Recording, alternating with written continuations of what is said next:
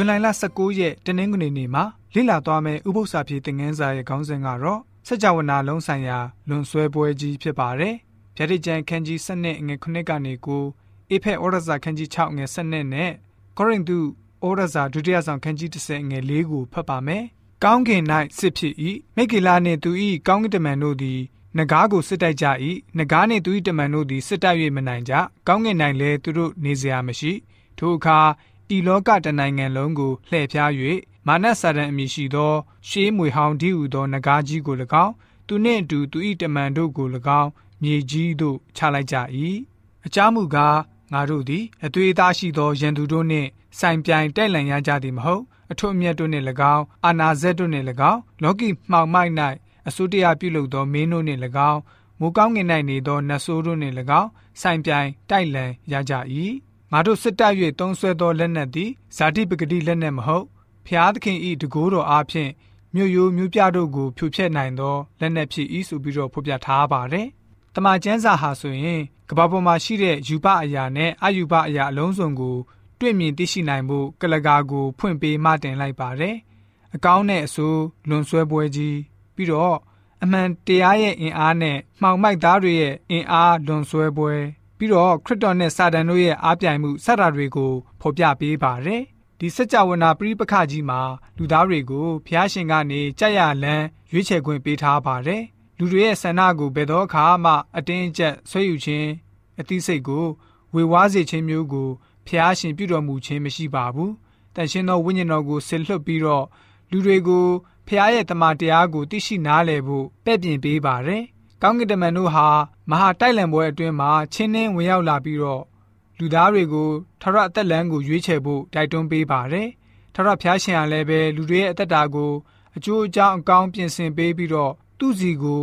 ရောက်ရှိနိုင်တဲ့လမ်းကိုညွှန်ပြပေးပါတယ်။အော်တပစိတ်ကိုအတင်းအကျပ်ဖြစ်စေတဲ့လုပ်ရမျိုးကိုတော့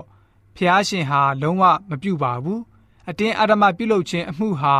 ဖျားသခင်ရဲ့နိုင်ငံတော်နဲ့မသက်ဆိုင်ပါဘူး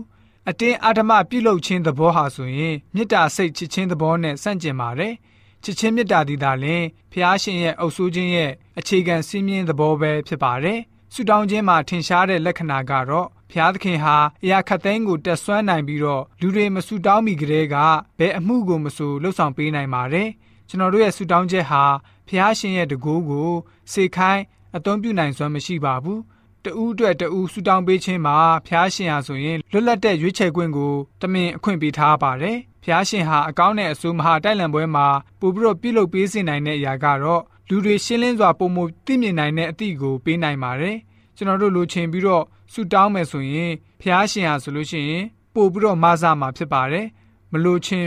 ဖြစ်ပြီးတော့ဆုမတောင်းခဲ့ဘူးဆိုရင်တော့ဖျားရှင်နေနဲ့ဘယ်လိုမျိုးလှုပ်ဆောင်ပေးလို့ရမှာလဲ။ တေချာစွာဂရုပြုသုံးသပ်ရမယ့်အရာကတော့ကျွန်တော်တို့အတွက်ပြုတော်မူဖို့ဖခင်ရဲ့ကဏ္ဍအပိုင်းခြားရှိပါတယ်။ယုံကြည်ပြီးတော့ဆုတောင်းပတ္ထနာပြုခြင်းမှာ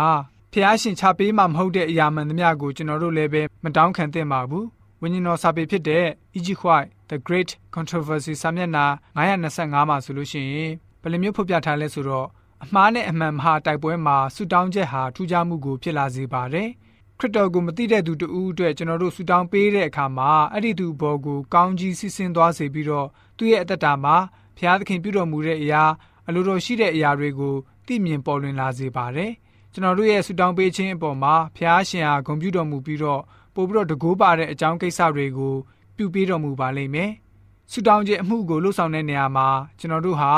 မိမိကိုယ်ကိုနှိတ်ချပြီးတော့ဖျားရှင်စီကအလုံးစုံကိုပြုပေးတော်မူမဲ့အကြောင်း အတိအမဲ့ပြုကြရမှာဖြစ်ပါတယ်။သို့တော့ကျွန်တော်တို့သိရမှာကတော့ကျွန်တော်တို့ဟာမိမိတို့အတွက်ဆုတောင်းတာပဲဖြစ်ဖြစ်အခြားသူအတွက်ဆုတောင်းပေးတာပဲဖြစ်ဖြစ်တောင်းယူလို့သာရတယ်ဆိုတဲ့စိတ်မျိုးမထားသင့်ပါဘူး။ဖျားရှင်ရဲ့ပြုတော်မူချက်အလုံးစုံကိုကျွန်တော်တို့နားမလည်နိုင်ပါဘူးဆိုပြီးတော့ဝိညာဉ်တော်စာပေကဖော်ပြလိုထားပါတယ်။ကျွန်တော်တို့ယဉ်ကျေးသူများအနေနဲ့အကောင်းဆုံးလွန်ဆွဲပွဲကြီးထဲမှာပါဝင်နေကြတဲ့သူတွေဖြစ်တဲ့အတွက်ကျွန်တော်တို့အနေနဲ့ဖျားရှင်စီမှာ